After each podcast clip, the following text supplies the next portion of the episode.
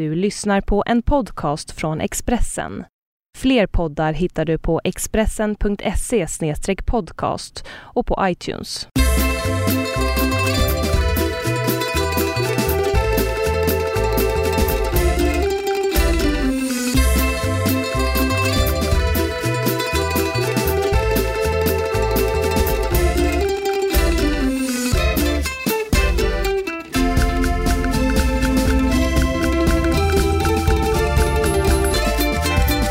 Hej och välkomna till Hemma hos Jonna. Så är läget faktiskt. Vi befinner oss vid köksbordet. För att den här maskinen var tvungen att laddas hela tiden. Eller, Eller ja, vi är tvungna att ha sladd i. Ja, det är riktigt faktiskt. Eh, Var det inte jag som skulle börja nu? Du tvingar ju mig att börja, sen tar du ändå Ja, över. prata då. Nej, nej, nu har jag pratat. Varsågod. Hemma hos Jonna är vi alltså. Jag är gäst här idag då och det är trevligt. Eh, jag tänkte att vi skulle dra igång med en gång direkt idag. Mm. Vad känner du om det? Jo, men jag tycker det är trevligt med lite förnyelse. Exakt. Vi brukar ju annars säga vad vi ska prata om och sen prata om det. Det är lika bra att vi bara pratar om det vi ska prata om. Och så glömmer vi oftast bort också Ja, eller jag gör det ofta. Ja, för det är du som har schemat där som den kontrollfreaken du är. Så. Jag brukar puffa för något som jag sen glömmer att vi ska prata om. Men jag tänkte vi skulle börja prata lite om eh, eh, det som har hänt i veckan. Det brukar vi göra. Men den här veckan så var jag ju i Milano mellan lördag och tisdag ska vi säga.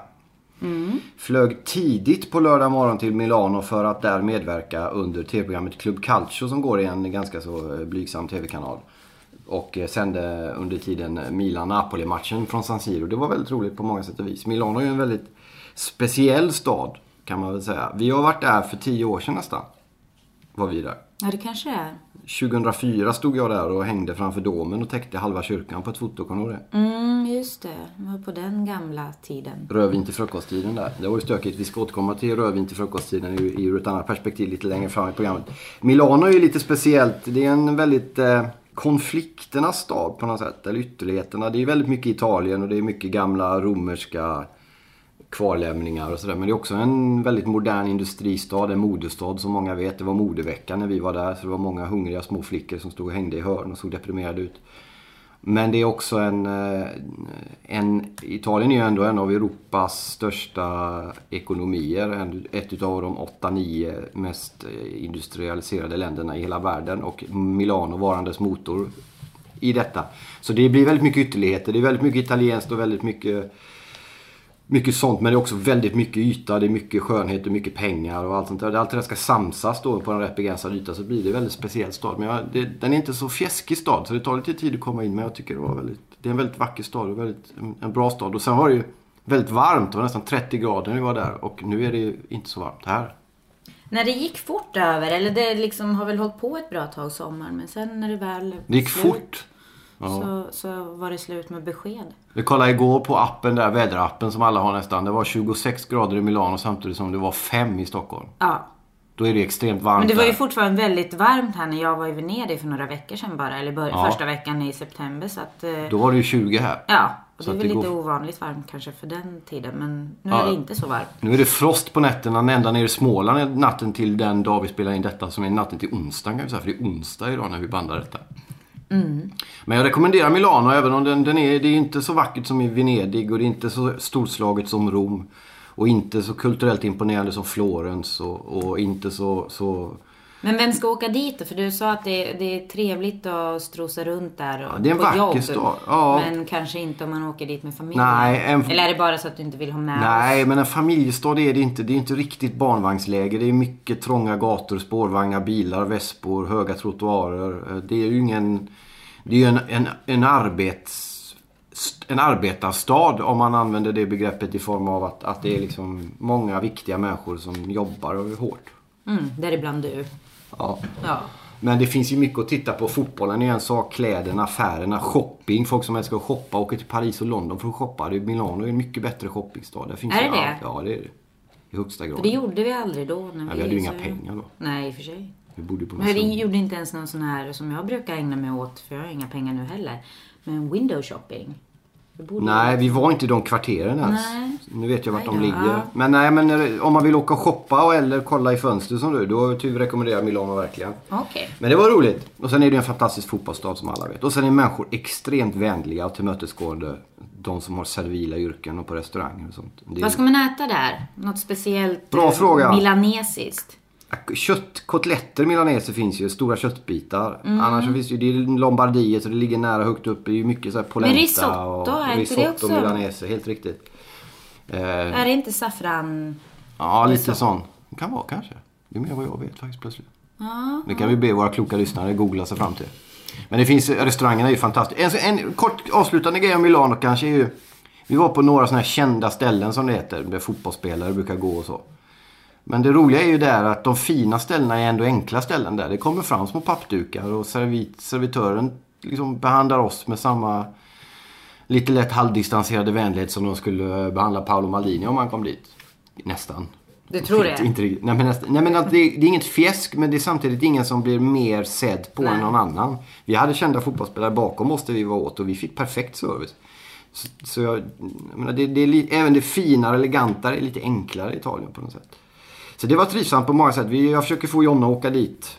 Till Milano. Vi har ju, Men det försöker jag ju. Men du. Gör du? När jag kom hem igår och sa att det var så vackert så ja, ja, men jag var i Venedig en hel vecka och det slår du ju inte. Nej men du visade en- bild som du ville jag absolut skulle kommentera på en gata i Milano. Då känns det liksom, då känns ju vattengränderna i Venedig lite häftigare i min smak alltså. Men eh, det är ju Ja, det är inte, riktigt. det är inte på något annat sätt du har försökt få mig dit. Nej, men det är mest att Venedig- du visar bilder. Venedig är ju vackrare så. Men Milano är ju mer en stad. Även efter klockan sju på kvällen. Venedig är ju som ett museum lite. Ja, de har nattklubb där. Ja, Piccolo En, Mondo ja, heter den. en en nattklubb i. Venedig. Ja, det är riktigt. Men, eh, nej, men det rekommenderas varmt att ta sig en, eh, en eh, helgtripp till Milano. En annan bra sak är att det var bara två timmar och 20 minuter med flyg. Kortare än att åka tåg från Stockholm till Göteborg. Mm. Man kan flyga med billiga varianter också. Det gör ju inte Ja. du då eftersom du är lite finare Ja, det än var inte med att jag är finare, men det var med att jag jobbar och att det är arbetet som betalar. Och jag jobbade också. Jag flög med Ryanair för ja, 395 men då jobbar kronor. du för fel eh, folk. Nej. Ja, Nej, det är sant. Man kan man kan dit på- flyga med billiga, på billiga sätt. För det kan ju vara trevligt att veta ändå. Ja. Men sen kan man ju ta sig, jag tänker att det är ju så högt upp. Det borde ju inte vara jättesvårt att ta sig dit med tåg heller om man gillar den varianten. Ja, det är ju, det är ju, droppar ju direkt efter Alperna. Ja men högt upp, alltså det ligger i norra Italien. Och Ja. det är ju i alla fall om man reser med tåg i Italien så är det ju, känns det som att det är hyfsat enkelt med Det funkar ju bra. Och sen... eh, tåglinjer upp Absolut, och ner. Och... det funkar jättebra. Ja, ja, även om man flyger till typ Venedig eller Rom eller Turin eller något sånt så är det ju nära. Det ligger ju mitt i. Ja, även vi åkte ju tåg från Milano till Rom då. Ja, just en det. gång. Och det var ju också så här, för då åkte man ju förbi Florens och lite grejer. Men det var ju inte alls toklångt. Det är ju, Nej, det tog fyra timmar om det tror jag. ja, om ens det. Ja. Ja. Det, Italien är ju bara hälften så stort som Sverige. Det är avlångt som alla vet. Mm. Men det är bara hälften så stort som Sverige. Så det är ju behändigt på många sätt. Alltså det finns många varianter att resa på. Jag vill bara plussa för. Milano en dag alltså. Jag fattar inte varför inte folk åker dit. Men det är skönt att de inte åker dit. Fortsätt åka till Paris och London då kan vi säga. Så vi får Milano för oss själva. Ja, eller du. Du ska dit igen nästa vecka, eller? Nej, kanske till Turin nästa vecka. Okej. Men då kanske vi, ni ska följa med. Men vi återkommer till det.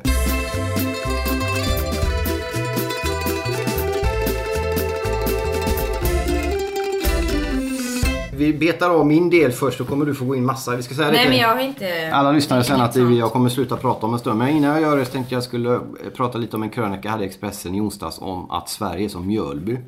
Mm. Och det var Jesper Husfeldt faktiskt som kläckte den tanken och jag har väl haft en liknande sån föreställning. Nu ska jag ju säga det att Mjölby inte är det sämsta stället på jorden. Ja, fast inte det bästa heller. Har vi bott, eller jag bodde ju lite längre än du i Norrköping. Då, då måste man ju säga att Mjölby är ju inte en stad som har den bästa, Ryktet. eh, bästa ryktet, nej. Eh, inte i Östergötland i alla fall. Nej. Vad jag kunde känna. Så att det var, nej. Nej precis, men jag vill ju då vidga det jag perspektivet. blir bekymrad av den liknelsen kan jag känna. Ja, men jag tycker att liknelsen håller och duger och, och har sin riktighet just och sin bäring just i det du beskriver nu. Mjölby varandes ett lite lätt sånt där nedvärderat eh, eh, samhälle i Östergötland. Mm. Som gärna kanske själva såg att de var rätt okej.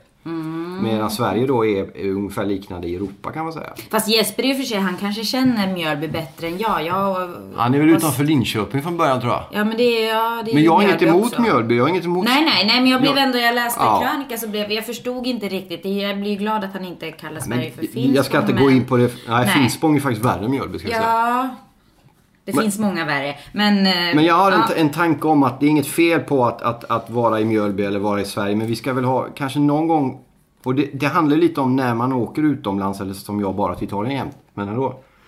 Så får man syn på Sverige på ett annat sätt. Och Sverige är jättefint och bra men det slutar inte här, det börjar här. Liksom. Det, det är lite så jag vill se den här liknelsen med Mjölby. Att ibland så blir vi väldigt inskränkta. Om vi får för oss något i Sverige och kollektivt bestämmer oss för det så är det på det sättet det är. Jo. Sen om resten av världen tycker annorlunda så har resten av världen fel. Det var lite så jag tänkte.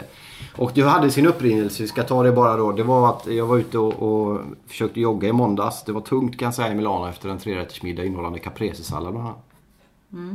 Gott. Så, ja. så kom jag till hotellet efter joggingturen och kopplade upp min app för att lyssna på P1 tänkte jag. Och då var det en, klockan 10 på Ja, du måndag. skrev om det här ja. Ja.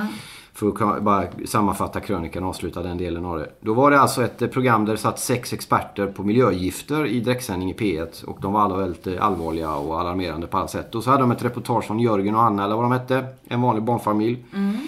Där de hade varit hemma med mikrofon och då öppnade Anna i familjen en hushållsost. Och öppnade upp den och så Det blev är hon- något vi gör liksom. Ja men det är en familjegrej. Liksom. Ja. Det är en svensk hushåll, smakar ingenting men det är gott på rostmacka. Ja. Om man har marmelad. Du märkte, jag hade köpt det i helgen. Ja, jag, tog, jag har ätit det. Edamer tror jag det var i och för sig. Ja, det smakar något mer möjligen. Men då var hon väldigt orolig över, hon darrade på rösten, hon var nästan gråtfärdig faktiskt, Anna. Över Ja. att, eh, är det farligt om jag öppnar osten ur plasten och hyvlar osthyveln och ger till mina barn? Eller bör jag ta bort en 5, 6, 10 skivor innan jag ger barnen eftersom plasten utsöndrar gift?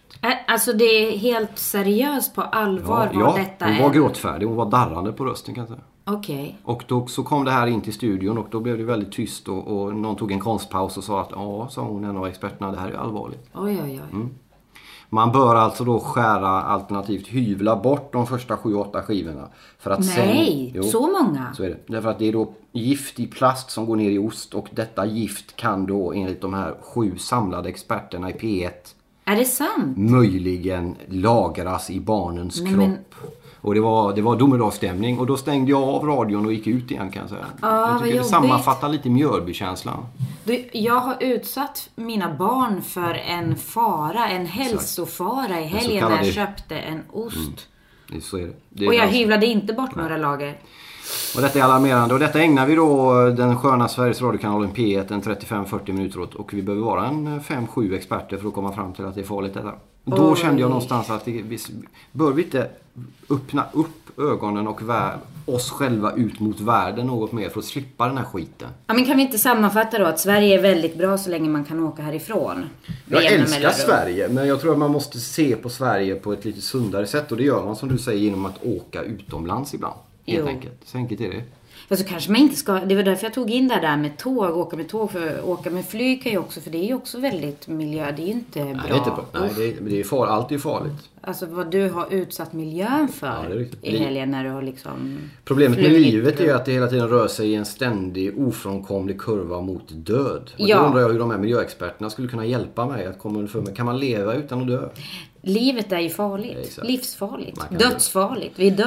Så Alla jag kom, dör vi. det var där känslan kom med Mjölby. Men jag måste säga, jag läste krönikan. Jag tyckte den var bra. Jag blev lite sådär. Jag visste inte riktigt om det var ett skämt det här med osten. För jag, Nej, det jag, var helt sant. Jag Ja, lyssnade. I, i, ni kan gå in på det. Det var i måndags klockan 10 i Sveriges Jag Radio. gillar inte sånt. Men uh, usch, nu blir det så här. Kommer jag vänta säkert i tre veckor till innan jag köper nästa ost. Och sen kommer Nej, vi jag ska ändå köpa glömma. ost och vi ska äta Det är så varenda jäkla skiva. dyrt med ost. så Ja, det, är jag, jag det är ett allvarligare problem. till löning. Det är ett allvarligare Eller problem. barnbidrag. Men i alla fall, det, jag tyckte det var en intressant eller rolig liten krönika. Fast det som jag reagerade på, vilket jag tänkte att jag måste fråga dig. Du radade upp en massa saker, så negativa saker som, ja, jag vet, kommer inte ihåg exakt i vilken ordföljd, men det var någonting med att och då rann allt det här rasism, bla bla, jobbiga grejer av dig. Och där, mitt ibland rasism och alla möjliga andra fientligheter så nämnde du feminister.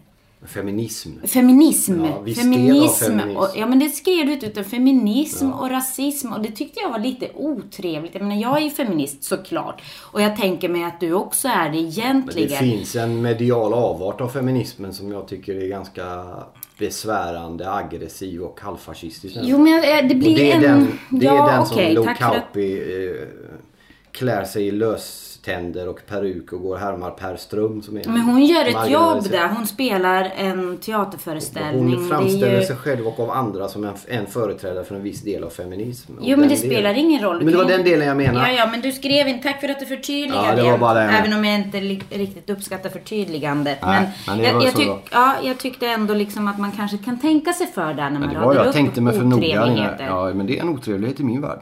Feminism. Nej, den, den vulgära, aggressiva, Jo, men du skrev bara feminism. med. Ja, men jag hann inte få in hela det igen. Nej, men då kan man hoppa över det kanske. Låta rasism stå där och andra, andra otrevligheter. Men skippa feminism. Ett annat eftersom sånt- det är en väldigt bra sak här Ja, i världen. i, I grunden är det ju en bra sak, men den har ju förvanskats. Ja, det är en nödvändig den har sak. förvanskats på En ett typiskt mjölkaktigt sätt. Av, av halvfascistoida eh, Södermalmsskådespelare bland annat. Så enkelt är det ju. Sen Åh en, gud, ibland Marcus. en annan sån skön grej som gäller Mjölby det är ju att eh, när Berlusconi av alla människor för något år sedan eh, hade ett idiotiskt förslag att man skulle registrera romer i Italien. Så rasade de skönt socialdemokratiska och något mer liberala ledarsidorna och gav sig ut i en klassisk harang mot Berlusconi med all rätt för han är en pajas på många sätt. Och mot Italien som land att det är ett fascistiskt land med rötterna i andra världskriget. Så en massa skit som Italien har helt rätt ska ha skit för för de har varit väldigt märkliga. Eh, inte lika samma tongångar just nu kan man säga när man kommer till Sverige och läser om polisens registrering av just romer. Jag tycker väl det är ganska mycket, är det inte Jo, det? men det är... innan var ju alla så arga på att Italien var ett fruktansvärt land som registrerade romer. Underförstått att det är tur att vi lever i Sverige. där Ja, inte- ja visst. Men... Det är bara ett bevis på vilken självbild vi har. Ibland så man ska vara lite aktsam innan man börjar plocka bjälkarna i sin broders öga. Man kanske ska kolla vad det är man har i sitt eget öga först. Absolut, men det var ju fel redan då och det är fortfarande fel. Jag tycker att det liksom höjs röster mot det och Ja, det det är tycker klart jag att det gör. känns Det var ett- väldigt bra. Men jag menar bara att vi är väldigt snabba på att döma andra och sen så oj, upptäcker vi att vårt land kanske också nästan Ja, det är ju värre exakt. nästan att det sker samtidigt för det har väl pågått en längre tid vad jag fattar. Och... Jag tycker också det är intressant. Jag hörde på flyget en resa, en, ett samtal på vägen ner där att ja, det är mycket fascister i Italien. Det gamla Mussolini och det sitter fascister i, i det parlamentet och så. Det gör det ju. Men det är långt färre i ett land som Italien till exempel som har ett väldigt fascistiskt förflutet än vad det är i Sverige. Där ett parti som Sverigedemokraterna så är det tredje största partiet ihop med Miljöpartiet. Men det var det ingen som pratade om. Utan det, det är liksom, vi är väldigt snabba på att själva vara någon form av demokratins fanbärare. Men vi har röstat in människor som för 15 år sedan gick runt och Jag tänker, jag tänker inte acceptera vi där. Jag...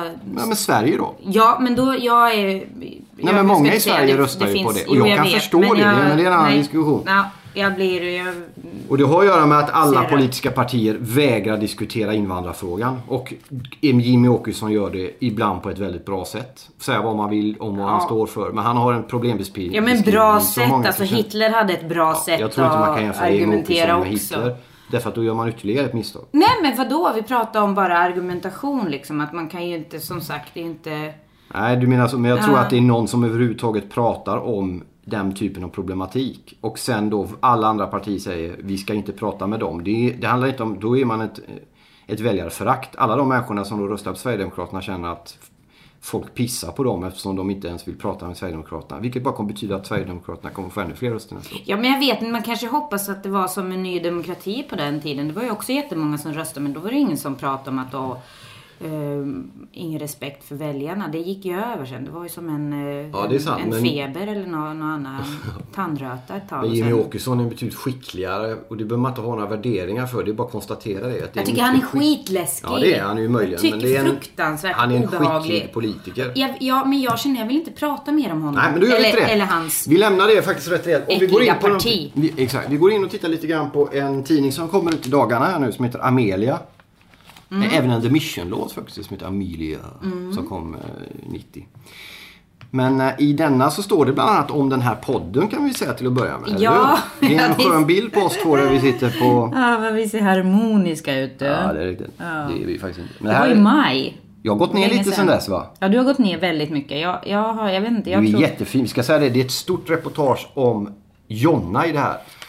Och det, det illustreras demonstrativt innan jag lämnar ordet över till dig på sidan Nej, men jag 33. behöver- det- Jo, men, men. Nej, jag tänker inte Nej, prata något prata- om det. Det jag ju sagt. Men Alla bara klagar på att jag avbryter hela tiden. Hade inte jag pratat hade det varit tyst ibland i podden eftersom du inte ville prata. Ja. Exakt. Men vi ska bara säga det att eh, vi... Ja men det är så att du vill demonstrera hur duktig du är så lämnar du ut mig liksom och sen när inte jag säger någonting ska så får du att, komma och eh, briljera igen Marcus. jag har gått ner rätt rejält sån här Ja det har du, du har gått ner väldigt mycket. klok Och ut, jag tror jag har gått upp Du är jättefin. Du är 800 verkligen gram jättefin. exakt sen dess. Ja, Du jag sätter ingen värdering i de Nej, 800 Men vi ska säga det att det illustreras ju då reportagets Fakta. mångtydighet och eh, fullständiga eh, eh, fokus på Jonna Vanhatalo och Biro genom att jag på en bild står väldigt långt bort i någon form av sudd och du längst fram på flera bilder. Vill du berätta lite om Mm. Du vad som föranledde? är out of focus. En, två, tre, fyra och så jag. Det är fyra sidor med dig. Stora Ja fast det är uppslag. ju inte så mycket egentligen om mig. Det är ju mer om Vår relation. Berätta vad det handlar om intervjun. Vad kommer det sig? Nej, det handlar om... Nej, det handlar... Eh, nej, säger jag det. Eh, Det handlar om, eh, ja, vår relation är det väl. Mitt missbruk va? Ditt inte, ja fast... Fast ur ditt perspektiv. Ja, ja precis. Alltså Alltså, ditt missbruk. mitt tillstånd, min relation till ditt missbruk. Rubriken är Jag blev hans medberoende. Ja, Vi ska precis. säga det, ja, att prata om missbruk är ju ganska tabubelagt men det görs ju ändå. Vad som är så bra med den här intervjun med dig, förutom att du är så snygg och bra, det är ju att någon äntligen vågar prata om den personen som kanske i många fall lider åtminstone lika mycket, ibland mer än den som själv missbrukar. Och egentligen finns det ju många fler medberoende Ja, eftersom det är ju... Familjer i övrigt och så. Men det är ju de Men flesta närmast. erkänner ju inte eller kommer ju aldrig i närheten av att förstå kanske vad det handlar om. Inte för att jag, det låter lite i den här i, i reportaget om att eh, nu har jag förstått och nu är jag ur det och det är jag inte känner jag. det kan jag är- intyga att du inte... Ja, och inte du heller. Det är långt ifrån, vi är långt ifrån färdiga. Men jag kan inte göra eller annat som jag, min del Jo, du kan göra visst. Vi Jag, kan jag kan vara göra. nykter en dag i taget det är det jag är. Jo, men livet handlar inte om, om inte bara om att vara nykter eller om att dricka. Det Nej, handlar men tala om vad du, istället för att tala om för mig vad jag ska göra. Jag pratar väldigt mycket, rä- läs reportaget. Jag säger där väldigt tydligt och klart vad som är mitt i det här. Ja. Och jag tycker jag tar på mig det ansvaret. Sen eh, är det upp till dig att göra ditt liksom. Jag tycker det är en viktig artikel. Det är jobbigt att läsa såklart att man har os, liksom åstadkommit människor man älskar stort lidande och så. Men det, är, det måste man ju naturligtvis se också som en del av processen att bli nykter och gå mot ett friskare liv. Men eh, det är en modig text, en modig eh, intervju och det är en stor artikel som jag tycker många ska läsa. Eh, inte bara sådana som missbrukar, inte bara sådana som lever nära missbrukare, vare sig de är nyktra eller inte, utan även familjen runt omkring en, en familj som har någon som har haft eller har problem. Ja, sen är det väl också just det här med medberoende. Att det är så, det är verkligen extremt luddigt. Och det är lätt att liksom, ja, rubrik, jag blev hans medberoende. Men man kan faktiskt vara medberoende till, till personer eller till problem andra än alkoholism till exempel. Ja. Så att det är ju Det är bara ett symptom. jättebrett. Det finns är- hur mycket som helst. Som man kan vara medberoende ja, till. Och just att det är verkligen inget enkelt att bli kvitt utan det gäller verkligen att rannsaka sig själv liksom och, och komma på och det, det handlar ju om, alltså, det är ju Det står ett lite- jobbigt problem. Ja, det är det. Jag tycker du beskriver det bra. Det är en jättelång intervju, ett stort reportage som är väl värt att läsa av den anledningen. Och det står bland annat att en medberoende är en människa som har låtit en annan människas beteende påverka sig. Det kan vara spel, sex, hetsäta, alkohol, humörsvängningar. Alltså massa saker. Det behöver inte vara att någon sitter och super hela dagarna. Det kan vara olika grejer. Det är väl att man, man eh, blir väldigt upptagen med en annan person helt enkelt. Man glömmer bort sig själv liksom. Allting annat. All, all fokus, all energi riktas åt något annat håll än sig själv. Så att man utplånar sig med en, eh, ja, i en jämn takt på något sätt under en lång tid oftast. Men sen också, jag, jag, alltså jag blir lite, jag låter lite sådär. Fast du är så överdrivet. Det säger när vi spelat in podd ska vi säga varje gång säger du åh det var inget bra och sen säger jo det var bra. Så hör Johan av sig på Expressen som sköter och han säger nästan alltid det jag har sagt att det är bra. Eller det Ja. är bra eller mindre bra när det är mindre bra. Men du vågar inte lita på dig själv riktigt. Nej men det kanske är mitt medberoende där som spökar fortfarande. Eh, Hur som helst, jag måste säga det för jag kände lite som att jag låter lite som att åh vad synd det var om mig. Och det var ju inte, jag säger någonstans också att det är ju kanske, det var säkert min uppfattning. Jag tyckte liksom att folk det, det var ju löpsedlar i kvarteret här om när du hade åkt in på behandlingshem och sådär. Och jag kände att åh, nu tittar folk på mig för man vet ju ändå, i alla fall runt omkring vilka vi är eller att jag är din fru. och jag säger ju det att det var säkert mer min inbildning, eller kanske inte, jag vet inte, men känslan var den. Att, eh, du vet, så att jag, och sen måste jag också säga att det, det kom inte fram, vet jag inte så jättetydligt, att jag hade jättemycket stöd av faktiskt min familj, mina föräldrar och mina vänner under, under tiden. Så att eh, jag var liksom inte, jag var inte liksom ett ynkligt Det tycker inte jag framstår heller. Jag tycker Nej. det är en väldigt öppenhjärtig och modig och ganska jobbig intervju att läsa för mig. Men nödvändig och väldigt viktig för andra också hoppas jag. Sen står det också en liten grej om podden kan vi ta.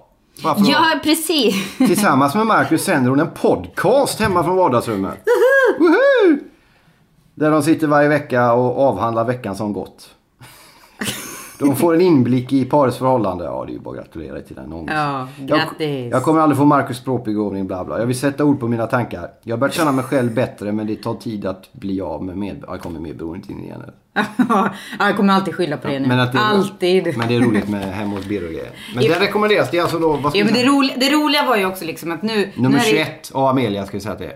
Ja. Köp den du. Och med det är Isabelle Adrian på, på framsidan. Hon Eh, ser det är ut inte som, jag. eh, Sex and the City eh, Jessica va? Ja, kanske. Eh, men det, det som var roligt var ju också att det står ju liksom att nu ska Jonna ta steget och liksom, ja. Men det gör du ju i den här intervjun gör du ju det. Jo, Det precis. Men det, det, med podden låter lite som att jag, det är inte som att jag har fått, som jag sa också, det är inte så att jag har fått en liksom, huvudroll i en. Hollywoodfilm, utan vi spelar in en podd Ja, hemma det är i inte det köket. sämsta. Det är en bra grej. Ja, ja. Fina bilder varav en ser ut som det skulle vara på omslaget till vakttornet lite grann. Lite så kanske. Jehovas vittnen, Ja. fast Och vad, vad står det. Vad är bildtexten? Nu har Jonna fått tillbaka den Marcus hon blev kär i. Ja, och det, det måste jag dementera tyvärr. Nej, jag är en annan helt enkelt. Jag är Nej, jag, jag letar fortfarande. Den du var kär i var i sig väldigt packad jämt. Nej, jag blev kär i dig den där månaden när du var nykter. Januari 04. Ah, okej. Då blev jag liksom, först var det förälskelse, sen blev det liksom till kärlek. Okej. Men jag är ju nykter nu. Jag kan inte vara göra mer än vara nykter. och Jo, men du kan vara lite trevlig Ja, också. du-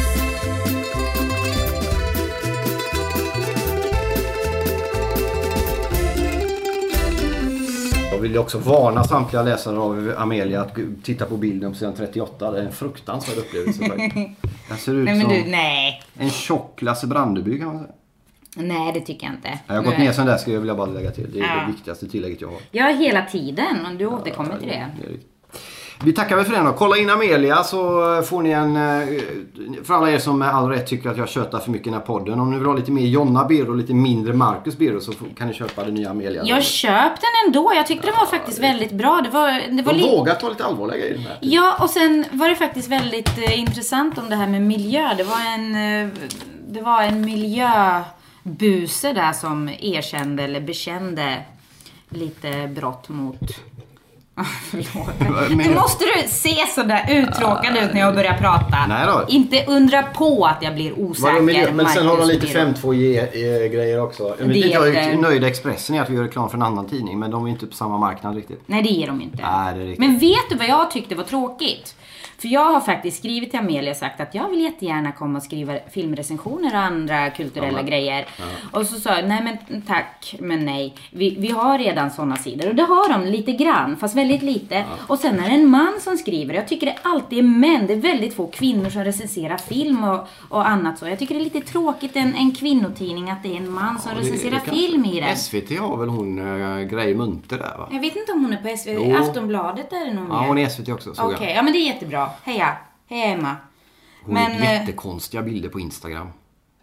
Jaha. Jättekonstig. Ja men lämna Instagram Ja, det älskling. riktigt. Gör det. Jesper Husfeldt skulle lämna Instagram när han blev 40 så han fyller 40 i oktober. Okej. Ja, jag fattar inte det. Seriöst. Har vi kommit så långt eller ner eller någonting att vi inte ens kan uttrycka korta statusuppdateringar på Facebook längre? Jag tycker det är bara bilder.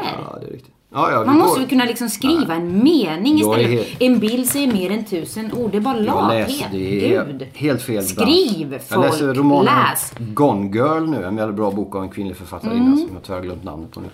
Ja, men det tycker jag vi återkommer till. Ja, den är att, genial roman på alla sätt och vis är den bra. Hon, den handlar just om ett par inte heller ihåg vad hon i heter nu. 40-årsåldern som får sparken för att de är skrivande människor. Och det är väl den eh, vägen man har framför sig. Så vi jobbar på med podden. Det är bra att man är bra i olika medier. Ja, jag såg i Malou idag, pratade Petter rapparen Petter Ja. just om detta med att skriva och läsa, vikten av att läsa. Och han hade skrivit en bok nu och han var ute och Han är liksom med i försökte... svenska landslaget i sån här, att få barn att läsa. Ja, och jag tyckte det var jättebra. Det var skitintressant. eh, Han ser ut som en ung Robert Aschberg lite grann Peter.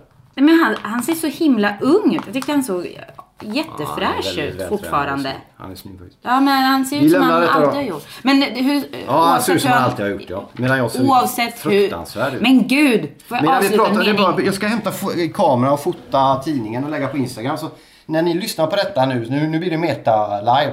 När ni hör detta, gå in på Instagram, sök upp Marcus Biro 10 så kan ni se bilder från Amelia-tidningen som vi har pratat om i Kan du podden. inte twittra istället? Jag kan göra bägge. Fan vilken bra idé alltså. Men då ska jag avsluta nu när Marcus gick här några meter ifrån mig. Jag ska avsluta meningen med att oavsett hur Petter ser ut så sa han väldigt bra saker också. Så han var alltså, såg bra ut och sa bra saker. Så att, som avslutning på Amelia-snacket så kör vi en liten Instagram-bild och även då en Twitter-bild. Så att när ni hör detta, då har det ju varit ett tag sedan jag tog den här bilden så ni får gå och leta efter den. Men den finns då va. Error launching the camera. Varför det?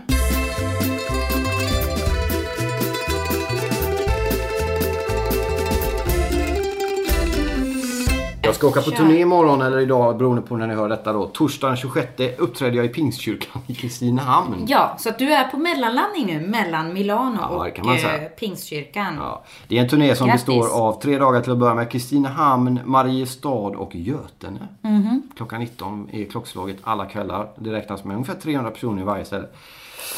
Så det ska bli lite roligt. Kostar biljetterna något? 50 spänn och sånt tror jag. Ja. Eller en del kyrkor har gratis tror jag. Men där pratar vi lite om tro, kärlek, en del om missbruk, glädje, Gud, tro, politik, mod, fotboll. Mm. Mod livet. eller mord? Mod.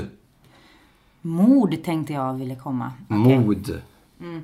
Det är roligt. Eh, så det ska jag åka och göra lite grann. Eh, och eh, tjäna lite pengar till. För vi går ju back, eller jag går ju back ekonomiskt varje månad har vi kommit fram till. Apropå att titta in hur vi har det. Mm. Precis. Det är alarmerande på många sätt. Fruktansvärt mycket back går jag. Men det ska vi komma ihåg. Det är alla de här 10 000 kronors skorna du köper. Ja, jag köper ju dem på mitt bolagskort vilket inte heller är speciellt smart. Nej, det är därför de kostar 10 000. exakt. Vi ska, men har, jag har pratat med min revisor och det har tagit ett grepp och jag har fått, kan jag meddela dig också, lite beröm från revisorn nu för att det börjar komma in kvitton betydligt bättre redan. Jaså? Ja, det är riktigt. Eh, turnén var vi inte så intresserade av, men är ni i Pingstkyrkan i Kristinehamn på torsdag eller i Om ni råkar sitta där så sitt kvar när Marcus kommer. Vi ska säga det att Kristinehamn var den första resa jag och Johanna Koljonen fick det året vi vann På spåret. Och det som var roligt då, det var att Johanna Koljonen bodde i Malmö på den tiden. Jag tror hon bor i Köpenhamn nu. Då skulle hon åka upp till Göteborg för att då tävla och första frågan var Kristinehamn. Och då låg det på sätet på det tåget hon åkte upp en reklambroschyr över Värmland som hon satt och bläddrade i. Och Kristinehamn ligger i vilket län? Ja, berätta du. Värmland. Okej. Och därmed så läste hon på om Kristinehamn in, utan att veta att det skulle komma frågor. Vad bra! Så det var meningen att vi skulle Ah. vinna På spåret. Det var nog det. Vi ska säga det att eh, det var Johanna Koljonen som vann På spåret. Jag var med kan man säga. Ja, Det, var ju så som det gick till. Mm, det är ungefär som hemma hos Jonna här och du är med. Ja, exakt. Det var väldigt roligt att vinna På spåret kan jag säga. Du har alltid kvinnor bakom dig i dina Jag har kvinnor framgångar. framför mig. Det är det som är... Jo, fast du är ju ganska mycket framför ofta. Nej, men det är därför det är så skönt med den här bilden jag ska Jo, jo. ta. Så att vi Ja. kan få, få perspektiv på köttskallen längst bak där. Tur Fast det får man ju inte eftersom det är väldigt out of focus som Ja, sagt.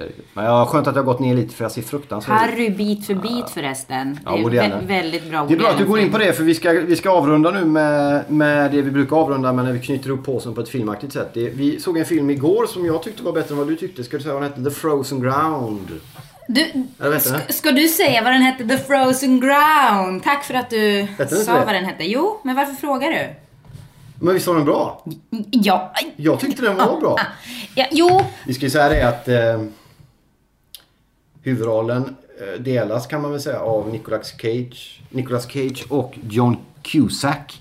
Två före detta favoriter kan man säga. Cusack Con alltid- Air hade de ju ihop, bland annat. Jaha, han var med där med Cusack. Cusack. Han är ju fantastisk på. Han spelar Cage. massmördare i den här filmen kan vi säga. Seriemördare. Mm, ja, både och. Nicolas Cage har ju haft en sinnessjuk karriär kan man säga. På rakt nedstigande liv. Vad har han ägnat sig åt? Ja, men han har ju störtat väldigt på sistone, det har han. Och det är liksom, ser man att han är med så är det ju nästan att man, då ska man ju inte se filmen, hyra den eller, eller något. Så att, eh, men, men det, alltså jag tyckte ju han, Han var faktiskt, bra var faktiskt. bra. Väldigt nedtonat. Ja, Tonad nog- för att vara Cage då, överhuvudtaget. Vi ska att, väl dra lite Cage-biografi där. Han var ju bland annat med i en fantastisk film som heter eh, Farväl Las Vegas. Ja. Som handlar om att supa ihjäl sig. Ja. Och han var även ambulansförare i en Scorsese-film som var väldigt bra tycker jag. Den fick Mm. Ja. lite blandade, men det var mycket Ja. änglar som kom fram med vingar och sånt. Lite svår. Vad hette den? ja. För 10-15 år sedan. Bringing, eh, Bringing Out the Dead. Dead, ja. Bra. Men, sen, sen dess har han gjort en massa sjuka filmer med alldeles för men The. Frozen Ground i alla fall. Vad hette tjejen som var med? Eh, Som spelade ung prostituerad. Ja. Hon var väldigt bra. ja, jo. Eller bra. Oftast. Eh, ja. men, ja, Ja, hon var bra. ja, men alla vet ju från High School Musicals. Vanessa Hudgens. Hu- Hudgens. Ja, bra. Och, mm. Jag hade ingen aning vem det var innan. Nej men så att det var ju bra. Alltså, det var ju väldigt långt ifrån eh, High School Musical och annat. eh, Så att eh, hennes rollkaraktär och prestation också. Hon spelade Hon, hon är liksom en, trasig tjej typ. Ja, precis. Men det handlar ju om en, en verklig seriemördare som härjade på 70 och 80-talet i Alaska. Den och jakten på honom helt enkelt. Den låg nära verkligheten filmen. Ja, den, det är alltså den, det är ju väldigt nära. Ja. Jag kollade upp det efteråt och han är ju en seriemördare den här Robert inne. Hansen. Han sitter inne på, vad var det, 496 Plus år livstid. plus livstid utan möjlighet att eh, komma ut. Så att, och det, det, jag, jag blir väldigt glad av sådana domar ibland alltså. Jag måste säga det. Jag, eh, men i alla fall, det som jag inte, alltså historien är bra, jag älskar seriemördarjakter och sånt. Men det var någonting som felade väldigt mycket med den. Det var någonting med, alltså, jag var inne på det, jag vet inte riktigt, någonting med klippet, det var någonting med själva, det var lite svårt att hänga med i början nästan. Det var så här, de fick inte riktigt tempot och den här det blev inte så intensivt som det hade kunnat bli med det. För skådespelarna var absolut bra. Och Jag tyckte var, men jag tyckte, jag har ju inga sådana här filmkritiska ögon. Jag ser ju bara... Jo men det är inget krit, alltså i Jag tyckte den var, den får tre klockstjärna getingar alltså. Den engagerade mig inte så mycket som jag kände att den kunde ha gjort. Utan det blev, jag blev mer förundrad. Och sen tyckte jag också att karaktärerna hade lite för lite kött på de berömda benen. Det var som Cusack där, han gjorde en nördig seriemördarsnubbe. Men det var liksom inte så mycket mer. Jag hade velat sett lite mer och ve- vetat lite han mer. gjorde det bra. Och sen också Cage karaktär, han hade en fru där som var lite emot hans bla bla bla. Och hon var också Raid, vad heter hon, Rada Mitchell. Jag gillar henne. Men hon liksom bara flimrade förbi. Det var liksom ingen, det var ingen bakgrund sådär. Ja, men jag rekommenderar den. Jag vet inte om den kommer att ha någon premiär på bio men... eh, Nej, jag, ja, jag vet inte heller det faktiskt. Men, men jag har för mig att den ska komma ut på DVD rätt snart. Det är därför jag misstänker att den inte kommer ut på... Det får vi se. Men vi, ska, vi lämnar den och så går vi in på... Jag, jag skulle ge den två och en halv, Ja, kanske. Jag, jag är den tre och jag har rätt den här gången kan man säga. Nej, det har du inte Marcus. Den har helt gett upp den här kameran nu. Ja, det Du det får är gå in jag och som fota sen. är filmkritiker. Ja, det är riktigt. Lyssna på Jonna när det gäller detta också. Fast det är ju inte, jag säger ju inte att man inte ska se den, utan två och en halva är absolut se den. Ja, tre tycker jag.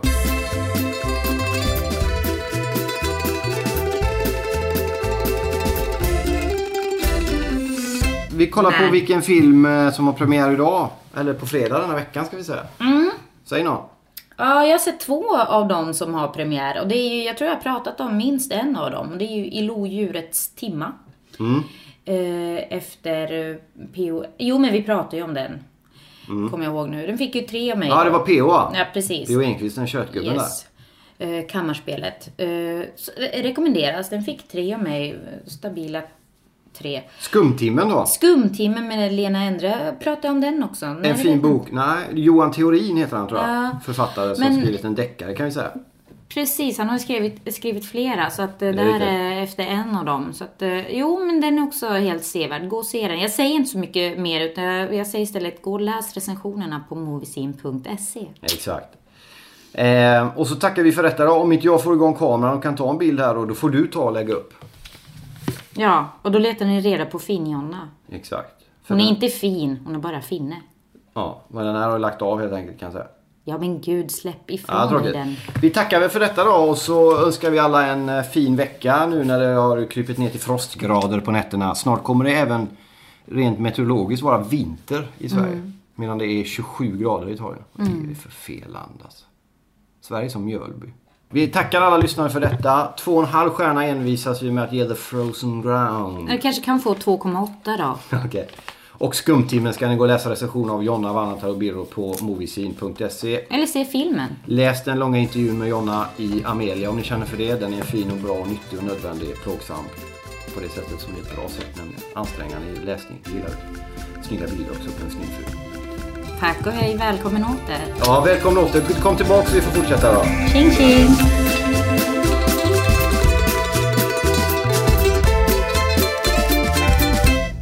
Du har lyssnat på en podcast från Expressen. Ansvarig utgivare är Thomas Mattsson. Fler poddar hittar du på expressen.se podcast och på iTunes.